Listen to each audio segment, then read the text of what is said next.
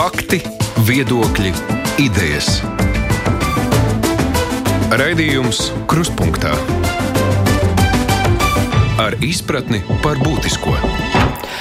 Studijā Mārija Ansone. Satversmes tiesas nesen pasludinātais spriedums saistībā ar darba likuma normu kas, un bērnu piedzimšanas atvaļinājumu, kas tagad pienāks tikai tēvam un kurā bija norādīts, ka valstī jārūpējas arī par vienzimumu pāri ģimeņu tiesībām, tika uztverts ļoti pretrunīgi. Reakcijas bija no ļoti atbalstošām līdz vērtējumam, ka satversmes tiesas spriedums ir uzbrukums satversmē, grauj tradicionālās vērtības un tiesa ir pārkāpusi savus pilnvaras un pieņēmusi politisku lēmumu.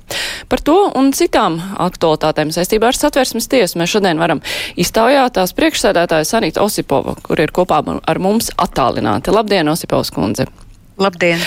Vai jūs gaidījāt, rēķinājāties ar to, ka šis pēdējais spriedums izraisīs tik ļoti sāsināt reakciju sabiedrībā? Citādi reakciju mēs nemaz nevarējām gaidīt, tāpēc, ka gandrīz 20 gadus Latvijas Republika izlikās, ka mums šādas problēmas nav. Savā veidā man tas atgādināja 80. gadu beigas, kad teletiltā ar amerikāņiem tikās padomi cilvēki, un kad Amerikas sieviete uzdeva padomi cilvēkiem jautājumu, vai jums ir seks. Ai, padomi sieviete braši atbildēja, ka seksa mums nav. Un uh, 15 gadus atpakaļ bija jau gatavs partnerattiecību likums, bet visu laiku viņš ir atlikts tādā vai citādākā veidā.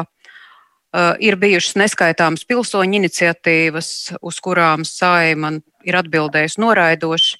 Un tā pašā laikā mums ir jāapzinās, ka mūsu vidū dzīvo Es nezinu, cik daudz pāri, jo Latvijas republika par to neinteresējās, bet dzīvo pāri, kuri vienotajā Eiropas Savienības telpā spēja ne tikai noformēt partnerattiecības, viņi spēja slēgt laulību. Vai tā ir īrija, vai tā ir Spānija, vai tā ir Vācija, un attiecīgi Latvijas pilsoņi. Mm, Viņi tur dzīvo, viņi tur atrod sev partnerus un viņi noslēdz homoseksuālu laulību. Un tad viņi atbrauc uz Latviju, Un Latvija tā liekulīgi izliekās, ka mums šādu pāri joprojām nav un mums šādas problēmas nav. Likumdevējiem bija ļoti daudzas iespējas atrisināt šo problēmu tā, kā viņš uzskatīja par vispareizāko. Arī satversmes tiesā šie nav pirmie pieteikumi, kas ir nākuši par homoseksuālu pārtiesību aizsardzību. Iepriekš viņi nebija juridiski tik kvalitatīvi sagatavoti, šoreiz eh, bija paņemts labs advokāts, kurš bija uzrakstījis labu konstitucionālo sūdzību. Lieta tika ierosināta. Apzinoties sensitīvo raksturu, lieta tika skatīta publiskā procesā, kas šobrīd Covid apstākļos ik viens interesants varēja sekot līdzi YouTube un apskatīties, kas šai sēdēs bija runāts. Nu jā, un tad tiesa sešu tiesnešu sastāvā, jo šobrīd mēs joprojām esam seši, taisīja šo, man gribētos teikt, vēsturisko mm, nolēmumu. Jums ir vēl kas jāsaprot. Tai bija jābūt satversmes tiesai, ja mēs negribam, lai nolēmumu šādā lietā mums taisa Eiropas Savienības vai Eiropas cilvēktiesību tiesa. Tiesvedība ir ilgs process, un pagājušajā nedēļā uzvarēja persona, kuru bija nopublicēta dzeltenajā presē 2000. gadu sākumā, kā publiskas personas sieva ar savu bērnu nākot ārā no dzemdību nama. Un tas bija liels skandāls, un persona iztiesājās līdz augstākajai tiesai. Un šobrīd viņa uzvarēja cilvēktiesību tiesā. Tā ir, protams, liela blamāža Latvijas republikai. Un tā ir arī zināma neatlaidība šai personai, jo tas viss viņai aizņem 17 gadus. Vai tiešām mēs liksim cilvēkiem par viņu tiesībām cīnīties 17 gadus? un aiziet līdz Eiropas cilvēktiesību tiesai vai līdz Eiropas Savienības tiesai, kas arī šobrīd pamatiesību jautājums, cilvēktiesību jautājums skata.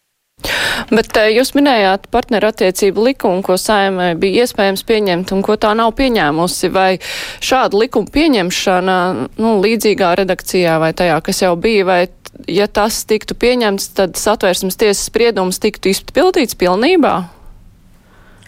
Redziet, ar to satversmes tiesas spriedumu ir nedaudz uh, savādāk.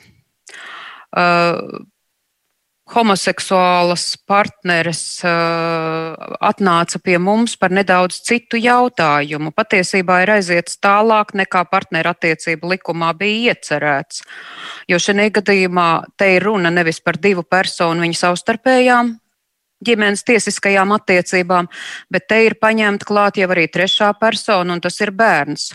Un daudzās valstīs, kur ir bijuši strīdi, vispirms izstrīdās un noregulē šo homoseksuālo partneru iespējas slēgt partneru attiecības vai, vai ģimeni, vai kā citās valstīs, kā es minēju, Spāri, Spānija, Īrija, Vācija, tā ir laulība. Un pēc tam domā, kas ir ar to bērnu. Eh, jo var iedot, piemēram, partnerattiecības, bet var eh, neiedot adopcijas tiesības eh, homoseksuāliem. Bet pāriem. tam ir jāiet komplektā? Es baidos, ka šobrīd citas iespējas īsti nav, jo tā norma, ko satversmes tiesa ir atzinusi par nesatversmīgu, runā tieši par vecāka un bērna attiecībām. Un kas tad ir šī sieviete bērnam, viņa ir mātes partnere. Tātad šī gadījumā vispirms ir jāsakārto attiecības starp māti un partneri, un tad jāaizvelk juridiska saita līdz bērnam. Patiesībā tas ir ļoti sarežģīti, tāpēc satversmes tiesa deva vairāk kā pusotru gadu uh, parlamentam, lai šīs uh, visas juridiskās nianses sakārtotu.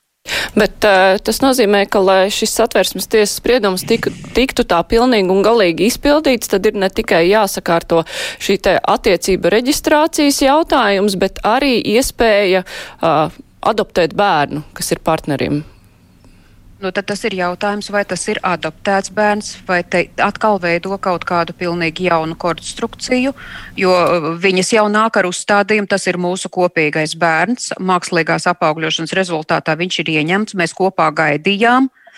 Un kaut arī nav šī bioloģiskā saite, te nav vajadzīga adopcija, jo tas ir manas partneres bērns, tas ir mūsu kopīgais bērns, mēs kopā par viņu rūpējamies. Nu, ja tas būtu vīrietis un uh, viņa sievietei piedzimtu bērns, kas nav viņa bioloģiskais bērns, viņam būtu iespēja noteikt paternitāti, ja īstais tēvs nepieteiktos. Jo ne visi, kas ir tēvi pēc papīra, ir tēvi arī bioloģiski.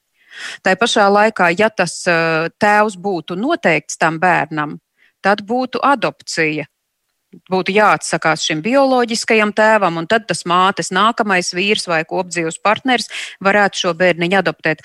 Ģimenes tiesības ir diezgan sarežģītas, un te būs diezgan liels darbs jāiegulda, lai to visu sakārtot. Bet vai saima var izvairīties eh, no šī jautājuma pilnas risināšanas, piemēram, tikai izlabojot darba likumu normu un viss?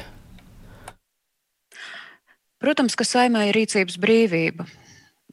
Un ar šo spriedumu satversmes tiesa ir tikusi klāt pie vienas normas, kur ir arī kur ir arī pateikts tas, ko mēs domājam. Ja? Kad mēs nevaram izvairīties, ka ik viens cilvēks bauda cieņu, tostarp arī pašnoteikšanos, kā dzīvot savu privāto dzīvi. Šauri atrisinot šo problēmu, problēma nebūtu atrisināta. Jo kā mēs varam tai personai piešķirt tiesības, piemēram, uz kaut kādu atvaļinājumu pēc bērna piedzimšanas, ja viņš nav juridiski piestiprināts tam bērnam, viņam nav pienākumi un viņam nav atbildība tā bērna priekšā. Nu, patiesībā tas tiesībās tā nestrādā. Jo, ja jums ir tiesības, jums ir arī atbildība, jums ir arī pienākumi. Vienalga, vai jūs esat pircējs pārdevējs, jūs nopērkat to mantu, bet tam pārdevējiem ir ne tikai iespēja saņemt naudu, Tas ir tiesības saņemt atlīdzību, bet ir arī pienākums, lai būtu pienācīgā kvalitātē tā prece, ko viņš tirgo, un ir atbildība, ja tā prece nav pienācīgā kvalitātē. Visa tiesību sistēma strādā uz to, eh, ka tiesības iet kopā ar pienākumiem un atbildību. Bet, eh, nu, ja saima izdara, piemēram, minimumu, Jūs jau minējāt šo te spriedumu par fotografiju pie dzemdībām, kas prasīja tik daudz gadus, bet kā jums šķiet, nu, vai cilvēki arī redzot to, ka pirmkārt ir šis satversmes tiesas spriedums, tad vairāk vērstos, protams, mūsu tiesās vispirms un pēc tam Eiropā par šādiem jautājumiem, tad šādu procesu varētu būt vairāk un mums nepatīkamāki, ja mēs nemainam likumdošanu. Jūs saprotiet, ka šobrīd saimai ir pilnīgi brīvas rokas sakārtot tā, kā viņa uzskata par pareizu. Ja tas netiek izdarīts, es varu pateikt, ka pieteikumu būs satversmes tiesā vairāk. Un turklāt satversmes tiesa ir atzīta par labu tiesību aizsardzības līdzekli, tātad tikai caur satversmes tiesu pa lielam var tikt tālāk uz Eiropas cilvēktiesību tiesu jo viņi pārbauda, vai cilvēks ir izmantojis vietējās iespējas, vietējā taisnīgā tiesā aizstāvēt. Tātad būs pieteikumi vairāk satversmes tiesā. Mums ir advokāti, kuri ir ļoti kvalitatīvi, kuri ir specializējušies tieši strādājot satversmes tiesas procesā.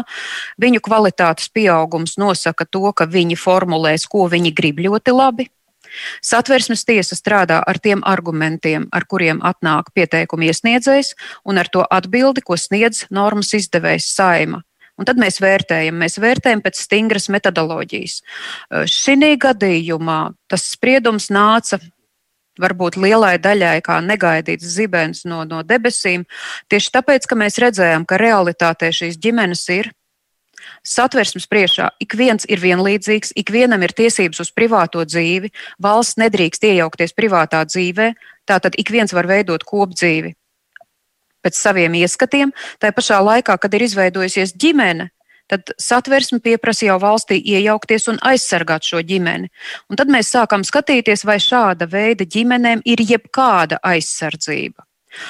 Tas, ka heteroseksuāli pāri dzīvo nereģistrētā kopdzīvē, tas eh, valstī varbūt pat nav jāuztraucās. Tā ir viņu izvēle nesaņemt to aizsardzību, ko valsts eh, viņiem varētu sniegt, ja viņi būtu reģistrējuši savu kopdzīvi. Viņiem viss ir pieejams, ir izveidota sistēma eh, laulātajiem, laulātajiem un bērniem.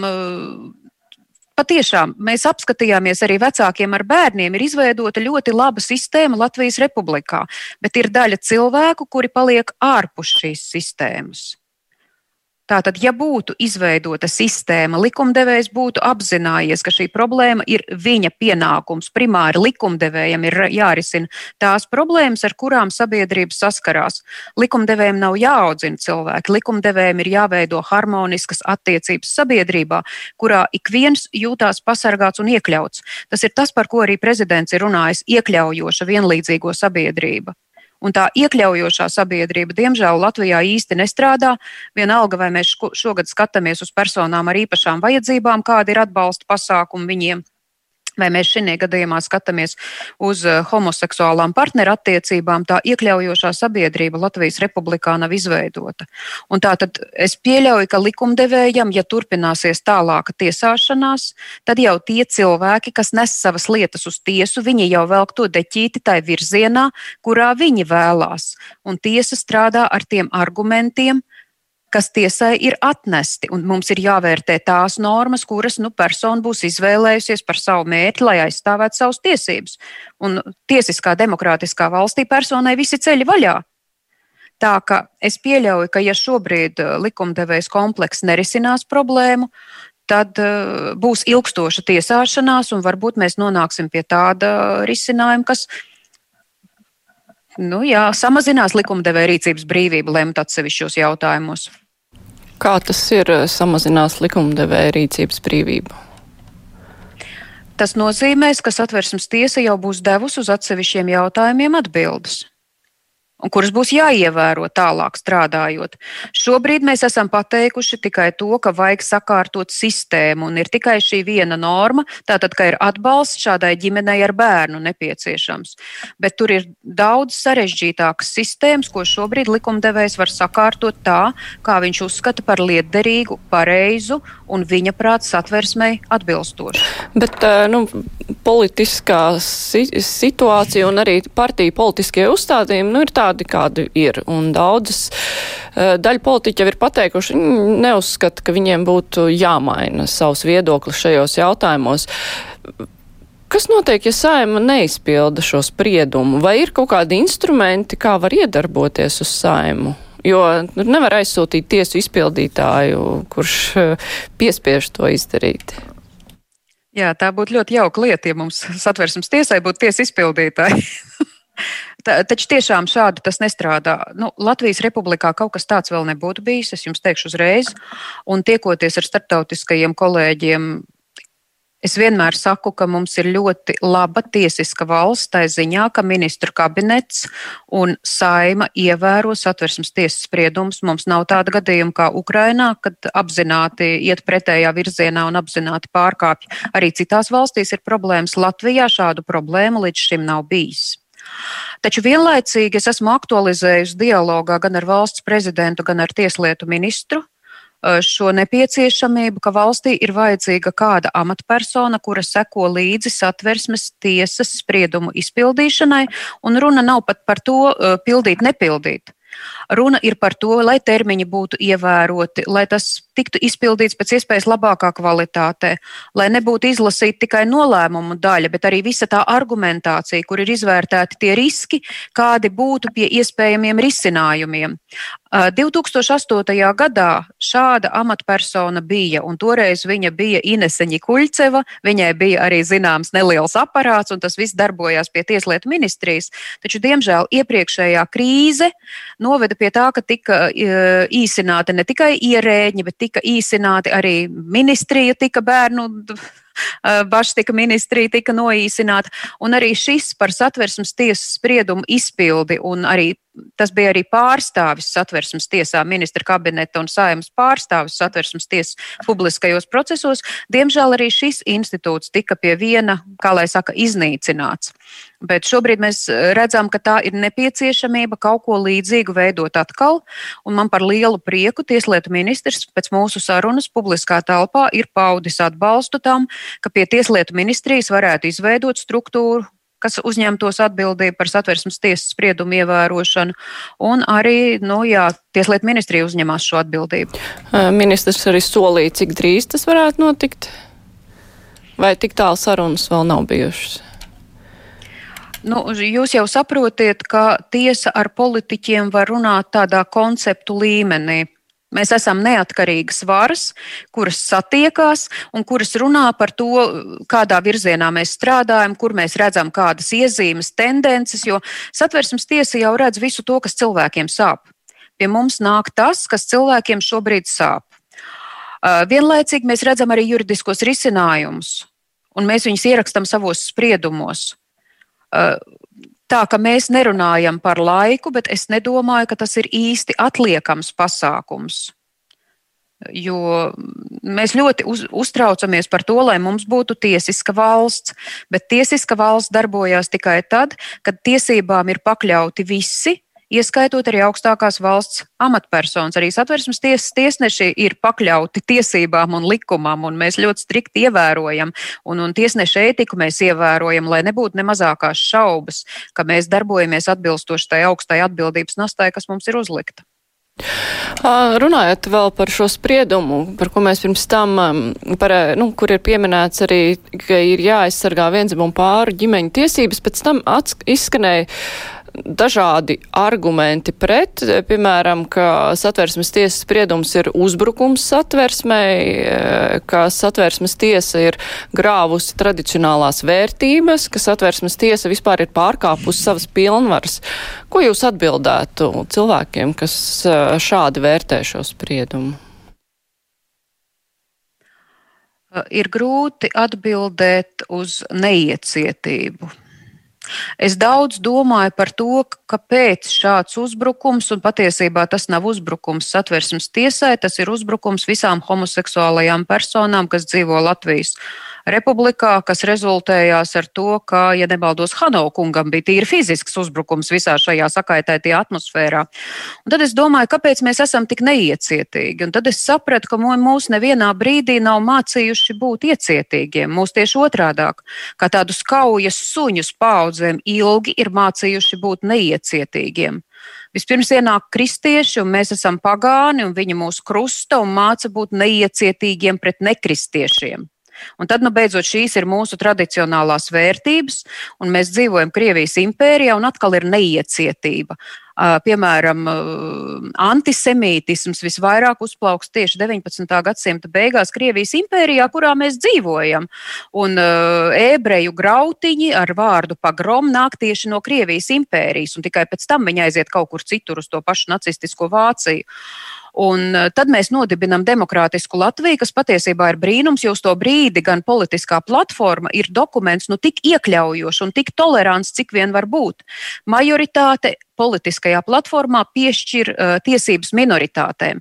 Tiek piešķirtas sievietēm līdztiesības ar vīriešiem, momentāli fantastiski, un uh, etniskajām minoritātēm tiek piešķirtas tiesības. Un tad nāk Ulmanis un atkal māca mums neiecietību, ka ir viena pareizā taisnība, un tā ir latviskā taisnība un, un latviskā dzīves ziņa, un tad ienāk padomju savienība, un tad ir vēl trakāk. Uh, ir viena pareizā atbilde uz katru jautājumu, un mums ar katru gadu arvien vairāk ir audzināts līdz tam 90. gadam dzīvot neiecietībā. Neiecietībā pret tautas ienaidniekiem, neiecietībā pret buržujiem, neiecietībā pret kapitālistiem, neiecietībā pret homoseksuālām personām, kuras Padomju Savienībā lika cietumā. Un tad es klausījos visu šo reakciju uz mūsu spriedumu, un man tā reakcija atgādināja tādu. Nu, priecājieties, ka mēs jūs šobrīd vairs cietumā neliekam. Mēs jums ļaujam mierīgi dzīvot, ko jūs vēl no mums gribat. Ja? Šīs tradicionālās vērtības ir pārkāptas, tāpēc ka pašu homoseksuālo personu pastāvēšana ir kauna traips mātes Latvijas sejā. Nu, par kādu iekļaujošu un iecietīgu sabiedrību mēs varam runāt? Un vēlreiz saku, satversmes tiesa nebūtu gājusi tik tālu, ja būtu radīta kaut kāda atbalsta sistēma, kaut kāds tiesiskais rāmis, šo cilvēku personiskās dzīves aizsardzībai. Jums ir jāsaprot, cik neaizsargāti viņi ir. Es nerunāju te par mantošanas jautājumiem, es runāju par, par to pašu ieceļošanu valstī, ja ir starp, starpnacionālais pāris.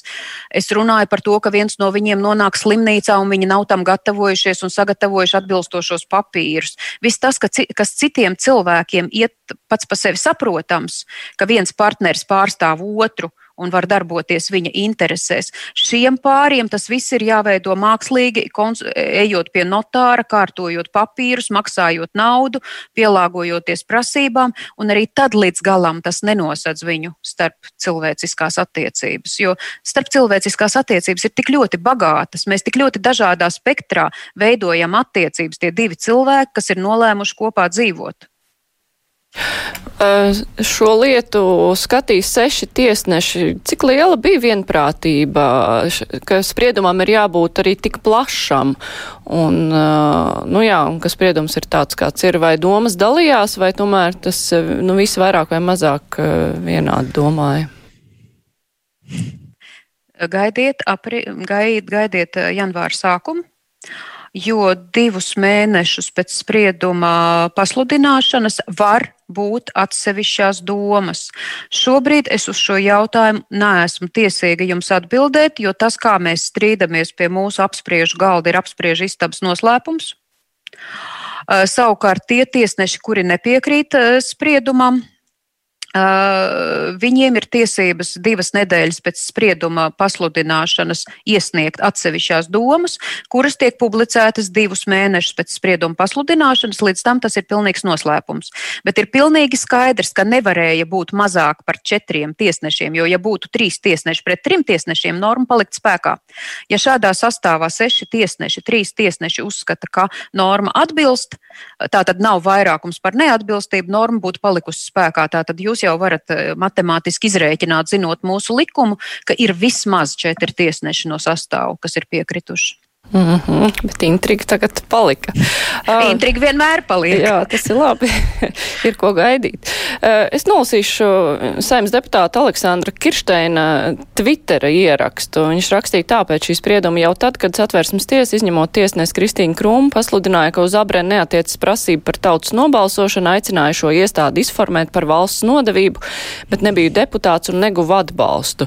Kā jūs vērtējat to, ka amatpersonas nu šajā gadījumā saimnes saimnes deputāts, nu, var teikt, apšauba satversmes tiesas lojalitāti. Vismaz, nu, tā to var uztvert. Ar tiesas spriedumiem tā ir vienmēr. Vienmēr kādam tiesas spriedums nepieti, nepatīk. Vienalga, vai tā ir civila lieta, kur viens zaudē, viens vinnē, vienalga, vai tā ir krimināla lieta, kur varbūt cietušajiem liekas, ka vainīgajiem nav pietiekami bargs sots. Jūs redzat, kas šobrīd ap Zolitūdas traģēdijas lietu darās. Uh, Tā ka cilvēciski tas, ka notiek vārīšanās ap tādiem sensitīviem un plašu rezonanci gūstošiem tiesas spriedumiem, tas ir normāli. Tā pašā laikā, kas, manuprāt, nav atbalstāmi. Satversmes tiesa savos spriedumos ir daudz rakstījusi par tādu principu kā konstitucionālo orgānu savstarpējās lojalitātes un cieņas princips. Tiesa ir konstitucionālais orgāns, saima ir konstitucionālais orgāns. Piedodiet, lai kādas muļķības reizēm no tribīnes nerunā saimas deputāti, jūs nevienā tiesas spriedumā to neredzēsiet, ka mēs tā arī pasakām, ka vajadzētu saimu izformēt, jo redziet, kādas pretiesiskas uh, negudrības tiek runātas no saimas tribīnas. Tātad šis starpinstitucionālais lojalitātes un cieņas princips nozīmē, ka mēs tā arī komunicējam savā starpā. Gan katrs atsevišķs tiesnesis, gan visa tiesa kopumā komunicē ar pārējiem konstitucionāliem orgāniem, kas ir valdība, valsts prezidents un saima, un, protams, arī tauta. Mēs komunicējam cieņpilni. Un kā inteliģenti cilvēki mēs sagaidām to pašu pretīm. Tā ir tiesa, ka 90. gadu beigās, 2000. gadu sākumā bija tā ideja izformēt uh, konstitucionālo tiesu Latvijas republikā. Uh, bet jūs saprotiet, ka tiesiska valsts nevar tā funkcionēt. Ja tiesu var izformēt tajā brīdī, kad uh, kādam politiskajam spēkam vai, vai kādai sabiedrības daļai nepopulārs uh, spriedums ir pieņemts, tad par tiesiskumu nevar runāt tad te, ne, tad te nevar runāt par tiesisku valsti. Jo pirmkārt, minoritāšu tiesības mēs nekad nevarēsim aizstāvēt ar majoritāšu instrumentiem. Tā pašā laikā modernā tiesiskā valstī mums ir jārēķinās ar eh, nacionāliem standartiem un ar starptautiskiem standartiem. Mēs skatāmies arī uz starptautiskiem standartiem minoritāšu tiesību aizsardzībā. Un, uh, tas ir tik dīvaini, ka tās personas, kuras reizēm visnejaukāk izsakās par tiesām, pēkšņi kļūst zemāks par zāli un klusāks par ūdeni tajā brīdī, kad viņu tiesības ir aizskartas un viņas pašas vēršās tiesā savu tiesību aizsardzībai. Tā ka tad, kad mēs runājam tā populāri par visu, tad mēs varam par to tiesu teikt to, ko mēs domājam un varbūt arī nedomājam un runājam nedomājot. Bet, kad mums pašiem ir radušās problēmas, tad mēs tomēr uzticamies tiesai, jo, ja jau neusticētos tiesā, tad jau nevērstos tiesā. Tātad mēs uzticamies tiesā un vēršamies pēc palīdzības. Tas tāpatās kā gānīšanās par doktoriem, un tad, kad ir kaut kas slims, tad iet pie tā doktora. Bet kā jums šķiet, kas ir satversmes tiesas tāds politiskās neatkarības garants, jo nu, tā ir saima, kur ieceļ tiesnešus. Drīz saimai būs vispār jābalso par jaunu tiesnesi. Un, cik es atceros, šajā procesā nu, vienmēr ir bijusi kaut kāda tāda mazliet tāda virmošana, nu, kad ko iecels, ko iecels, vai tur nav kaut kādas intereses aizmugurē. Uh, bet kas kopumā garantē to, ka satversmes tiesa nu, darbosies patiesi neatkarīgi? Atkarīgi no tā, nu, kas nu, tajā brīdī ir pie politiskās varas? Satversmes tiesas dibinātāji ļoti gudri veidojuši satversmes tiesas sastāvu. Pirmkārt, kas nominē satversmes tiesai? Mūsu septiņu vidū ir divi tiesneši no tiesnešu vidus. Tātad viņi jau nāk bez politiskās ietekmes, kaut arī viņi iziet cauri saimnes apstiprināšanu, bet tā ir formalitāte. Jo patiesībā tiesneši no savu vidus izvirza divus tiesnešus. Arī šobrīd mūsu vidū strādā divi tiesneši. Tad ir divi kandidāti, ko izvirza ministru kabinets. Es esmu ministra kabineta izvirzīts kandidāts savā laikā.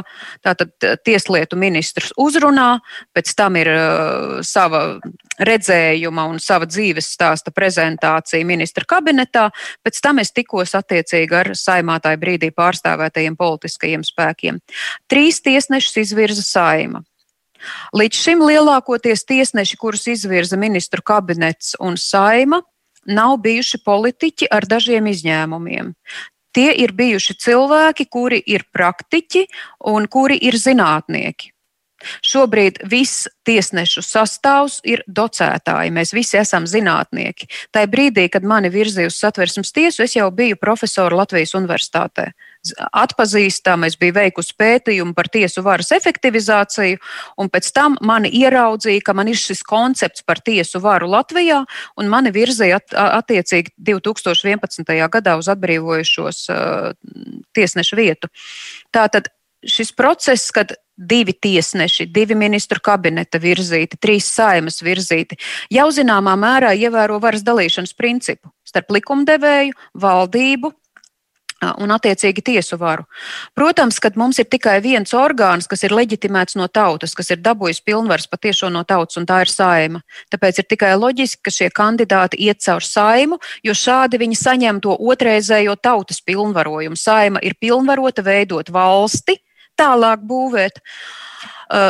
Tas, ka mēs esam tos desmit gadus Un šī saima nelē, tātad, un, un katrs tas tiesnesis no tiem, kas pie mums ienāk, viņš varbūt ienāk no citas saimas, kurā ir cita pozīcija un cita opozīcija. Un tas, ka mums ir tik augsts slieksnis, lai ievēlētu satversmes tiesnesi, ir vajadzīga 51 saimnes deputāta balss.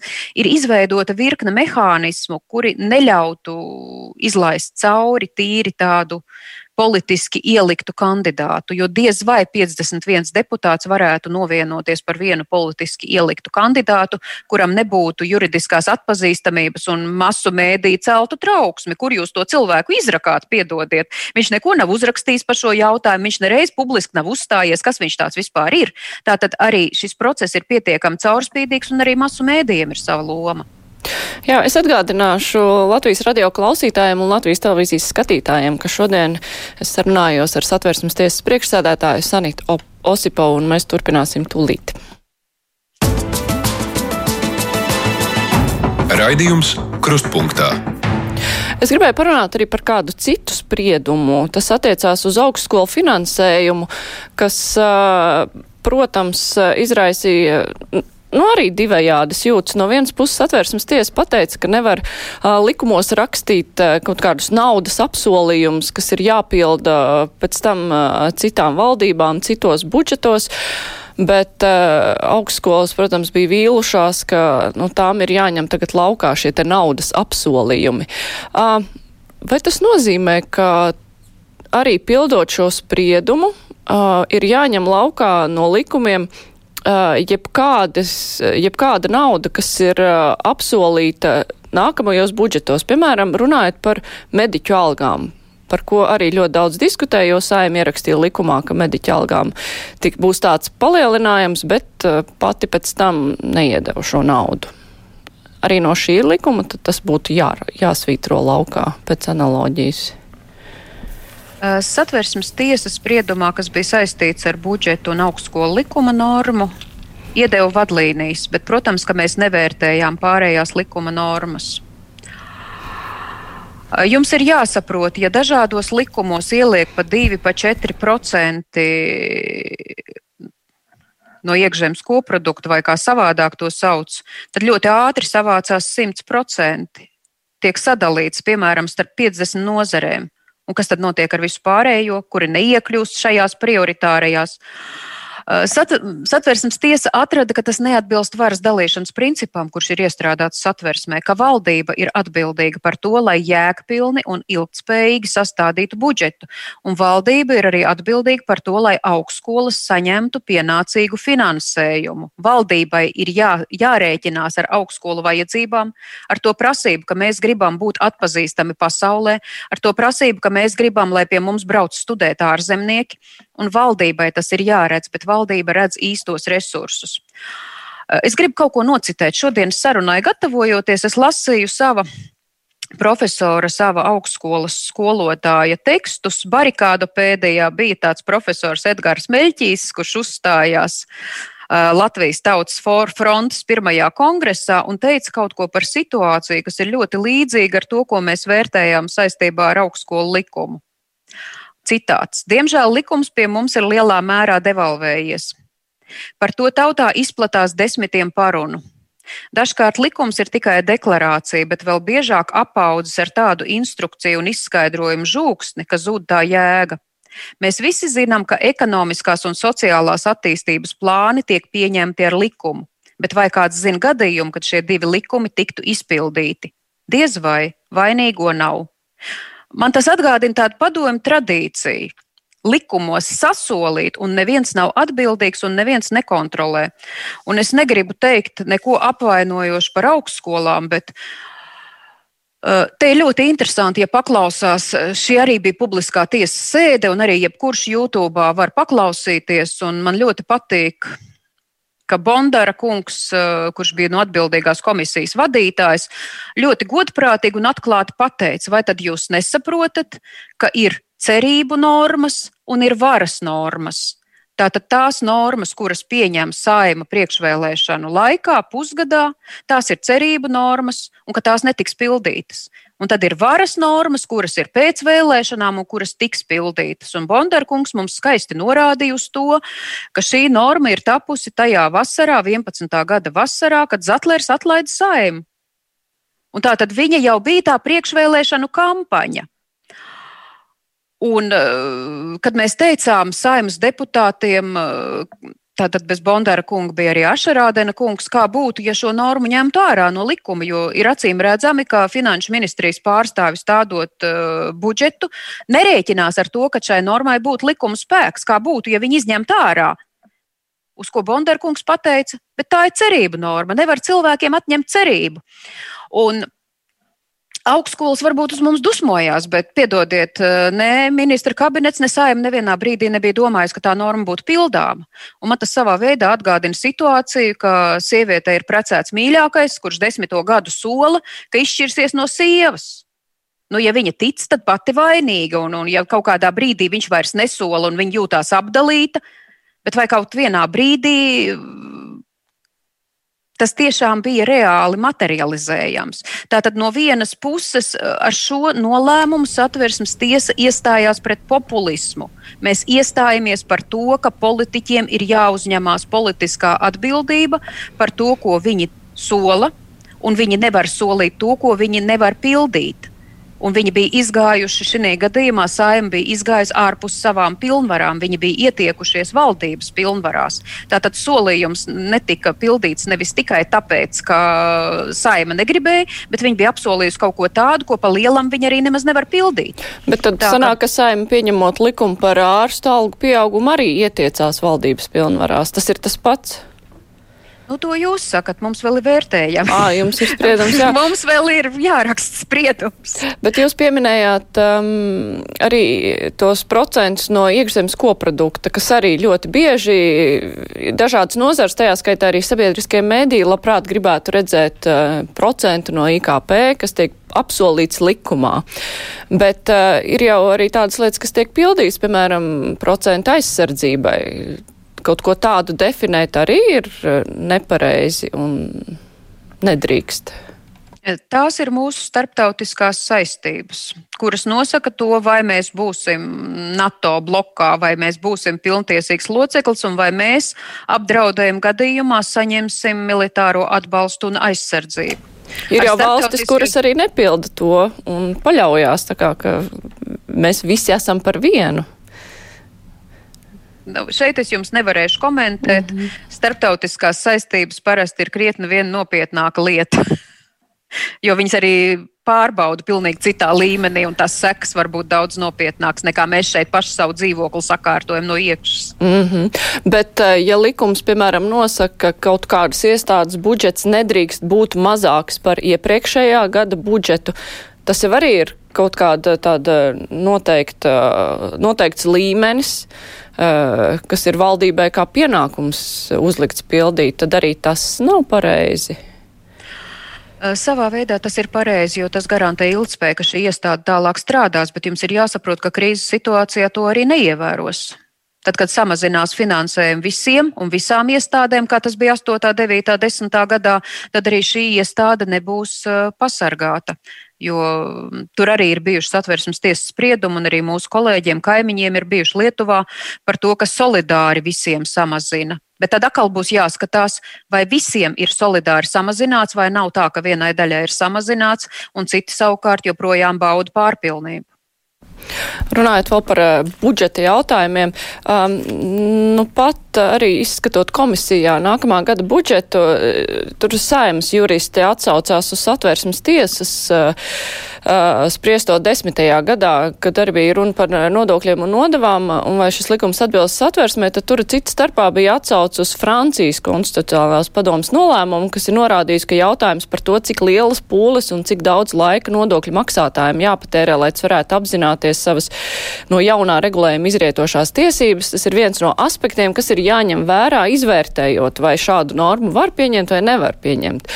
Tagad saimā tiek arī skatīts vairākas izmaiņas uh, nodokļu likumos, kas attieksies uz uh, tajā skaitā nodokļu maksātājiem, kuri neizmanto grāmatvežu pakalpojumus, kur varētu izprast to. Kā jums šķiet, vai šeit arī ir nu, kaut kāds jautājums par konstitucionālajām tiesībām, jo neizpratne par to, ko īsti paredzēs izmaiņas nodokļos, kas pietiekam drīz stāsies spēkā, nu, tas varētu būt daudziem cilvēkiem liels apgrūtinājums. Tas varētu būt liels apgrūtinājums daudziem cilvēkiem, un uh, nodokļu tiesības vienmēr pamattiesību lokā tiek skatīts caur īpašumu tiesībām, 105. pantu, bet jums ir jāsaprot, ka nodokļu tiesības vienlaicīgi ir lauciņš, kur uh, likumdevējiem ir vislielākā rīcības brīvība. Tāpēc, ka mēs redzam, ka pēc satversmes šādus jautājumus arī nevar virzīt referendumam. Tātad tā ir ekskluzīvā likumdevēja rīcības brīvība, bet vienlaicīgi viņam ir jāievēro labas likumdošanas princips. Un, protams, ka tam ir jābūt pienācīgā laikā sagatavotam un pienācīgā laikā, lai cilvēki varētu saprast tās tiesības, tos pienākumus, ko šie jaunie grozījumi viņiem uzliek. Un no pagājušās krīzes laika satversmes tiesas spriedumiem viennozīmīgi ir izsecināms, ka krīzes laikā ir jādomā, kā saglabāt situāciju, nevis kā reformas veikt. Ka tā nav laba ideja krīzes laikā reformēt. Tas ir no iepriekšējās reizes satversmes tiesas spriedumiem, kas bija pirms desmit gadiem. Mm -hmm. Bet runājot par to, cik saprotamas ir šīs izmaiņas, kāda vispār ir nu, skaidrošana un komunikācija, jo tie dokumenti, kas nāk laukā no finanšu ministrijas, arī žurnālistiem ir ļoti grūti citreiz saprast, eh, kas tur īsti ir domāts, un arī grāmatveži lauza galvas, lai saprastu, kas tad īsti tiks paredzēts, un tad eh, aiziet tautās dažādi pārpratumi, kas būs un kas nebūs. Vai iestādēm ir jādomā par to, nu, kādā veidā tās raksta šīs te tiesību normas? Kāda vispār mums ir tā valoda likuma? Jā, jūs pacēlāt ļoti svarīgu jautājumu, un tas ir jautājums par tiesību normu skaidrību, un tas ir arī viens no konstitucionalitātes jautājumiem. Taču atbildot uz šo jautājumu, satversmes tiesa skatās, lai saprātīgs cilvēks vajadzības gadījumā piesaistot profesionāli, kurš viņu konsultē, varētu tikt pie skaidrības. Ja ir jūsu minētā situācija, ka ar visiem profesionāļiem nevar tikt skaidrībā, tad gan tur varētu būt problēmas. Kā jūs, nu, jūs esat juristi un daudz esat lasījusi visdažādākos likumus. Nu, kā jums šķiet tā, tā valoda, kā, kāda tiek izmantot likumos, ir vienkārši saprotama vai nav vienkārši saprotama? Valoda, kas tiek izmantota likumos, viņai nav nevainas, tāpat kā valoda, kādā tiek rakstīts medicīnas grāmatas, nav nevainas vai geogrāfijas vai astronomijas. Jums ir jāsaprot, ka tā ir profesionālā valoda. Un, uh, no vienas puses cilvēkam ir jāsaprot, ko valsts no viņa grib, no otras puses uh, visās tiesiskās valstīs ir uh, nodokļu konsultanti, ir ģimenes advokāti, ir ģimenes notāri, proti, ir šīs atbalsta funkcijas. Mēs pie kam ejam uz to, ka tas normatīvais regulējums skaita un sarežģītības ziņā arvien pieaug, un ne jau valsts pie tā ir vainīga. Pie tā ir vainīga arī sabiedrība, kura veido arvien jaunas konstrukcijas, arvien jaunas profesijas, arvien jaunus pakalpojumus, arvien jaunas reliģijas un tā tālāk un tā tālāk. Un valstī visa šī ļoti brīvā, sarežģītā sabiedrība ir kaut kā jāsavēl kopā un jāregulē. Tam visam ir jāiedod tiesiskais rāmis gan dzīvnieku labturēšanā, gan visā citā. Un tā tad nu, ir pilnīgi skaidrs, ka uh, jurista profesija kā skaidrojoša, lai cilvēks saprastu savas tiesības, viņa nepazudīs arī nākotnē, un kas ir ļoti svarīgi, ka valsts Latvijā garantē masturīgām personām pavelti juridisko palīdzību, un šobrīd arī satversmes tiesā, lai vērstos, valsts apmaksātā juridiskā palīdzība ir pieejama. Mums klausītājs reflektē par to cerību normu. Viņš vaicā, vai nodokļus arī būtu jāuztver kā cerību norma vidam. tas tā komentārs droši vien neprasa, bet mums ļoti bieži cilvēki vaicā, nu, arī runājot par satversmes tiesu un tās kompetences vai satversmes tiesā būtu pamats vērsties, piemēram, par nesamērīgi augstu nekustamā īpašuma nodokli. Vai tas arī nav satversmes tiesas jautājums? Jo satversme nosaka tiesības uz mājokli, un tas savukārt uh, var apdraudēt uh, šī mājokļa paturēšanu. Jums ir jāsaprot, ka jūs nevarat doties uz satversmes tiesu pa taisno. Jums ir vispirms jāizmanto vispārējās jurisdikcijas tiesas. Un varbūt tas nodoklis vienkārši ir nepareizi sarēķināts. Pašvaldība varbūt ir pārkāpusi likumu. Tas nozīmē, ka tā ir administratīvā tiesa, kur cilvēks šādā gadījumā vispirms var doties. Jo nevajag iedomāties, ka vienmēr tas cipars, kuru jūs saņemat savā nodokļu lapiņā, viņš ir tiesiski aprēķināts. Un tāpēc valsts ir izveidojusi administratīvo tiesu sistēmu, eh, kurā persona var aizsargāt sevi no valsts patvaļas. Ja tā administratīvā tiesa redz, ka tur ir nevis nepareizi sarēķināts, bet tiešām tā norma mm, ir tāda, kas nosaka, ka cilvēkam ir tik augsts nekustamā īpašuma nodoklis, ka viņam jau pēc būtības ir konfiscējoša daba, tam cilvēkam ir jāatsakās no mājas, jo viņš nespēja samaksāt nekustamā īpašuma nodokli, tad administratīvā tiesa arī vērsīsies satversmes tiesā. Šī gadā mums ir arī pieauguši pieteikumi no tiesām, kas ir atnākuši. Ne tikai mums ir pieauguši pieteikumi no personām konstitucionālās sūdzības, bet arī tiesas pie mums ir vērsušās biežāk. Um, arī par nekustamā īpašuma nodokli kaut kas jau ir parādījies, jo pēdējā laikā tas ļoti uztrauc, tas kāpums vēl nav bijis, bet cilvēki jau baidās, kas notiks tālāk. Par nekustamā īpašuma nodokli šobrīd jūs nevarat aiziet ne uz tiesu, ne pie mums, tāpēc ka mēs nezinām, ar ko tas viss beigsies. Var sākt tiesāties tajā brīdī, kad jau viņš ir stājies spēkā un viņš tiek jums piemērots. Un tad jūs dodaties uz administratīvo tiesu, Un, ja administratīvā tiesa nespēja jums palīdzēt, tad jūs nākat uz satversmes tiesu un tad vērtēs, vai ir tā konfiscējošā daba vai nav. Mm -hmm. Un, ja ir konfiscējošā daba, tad tur jau ir pamats lietai.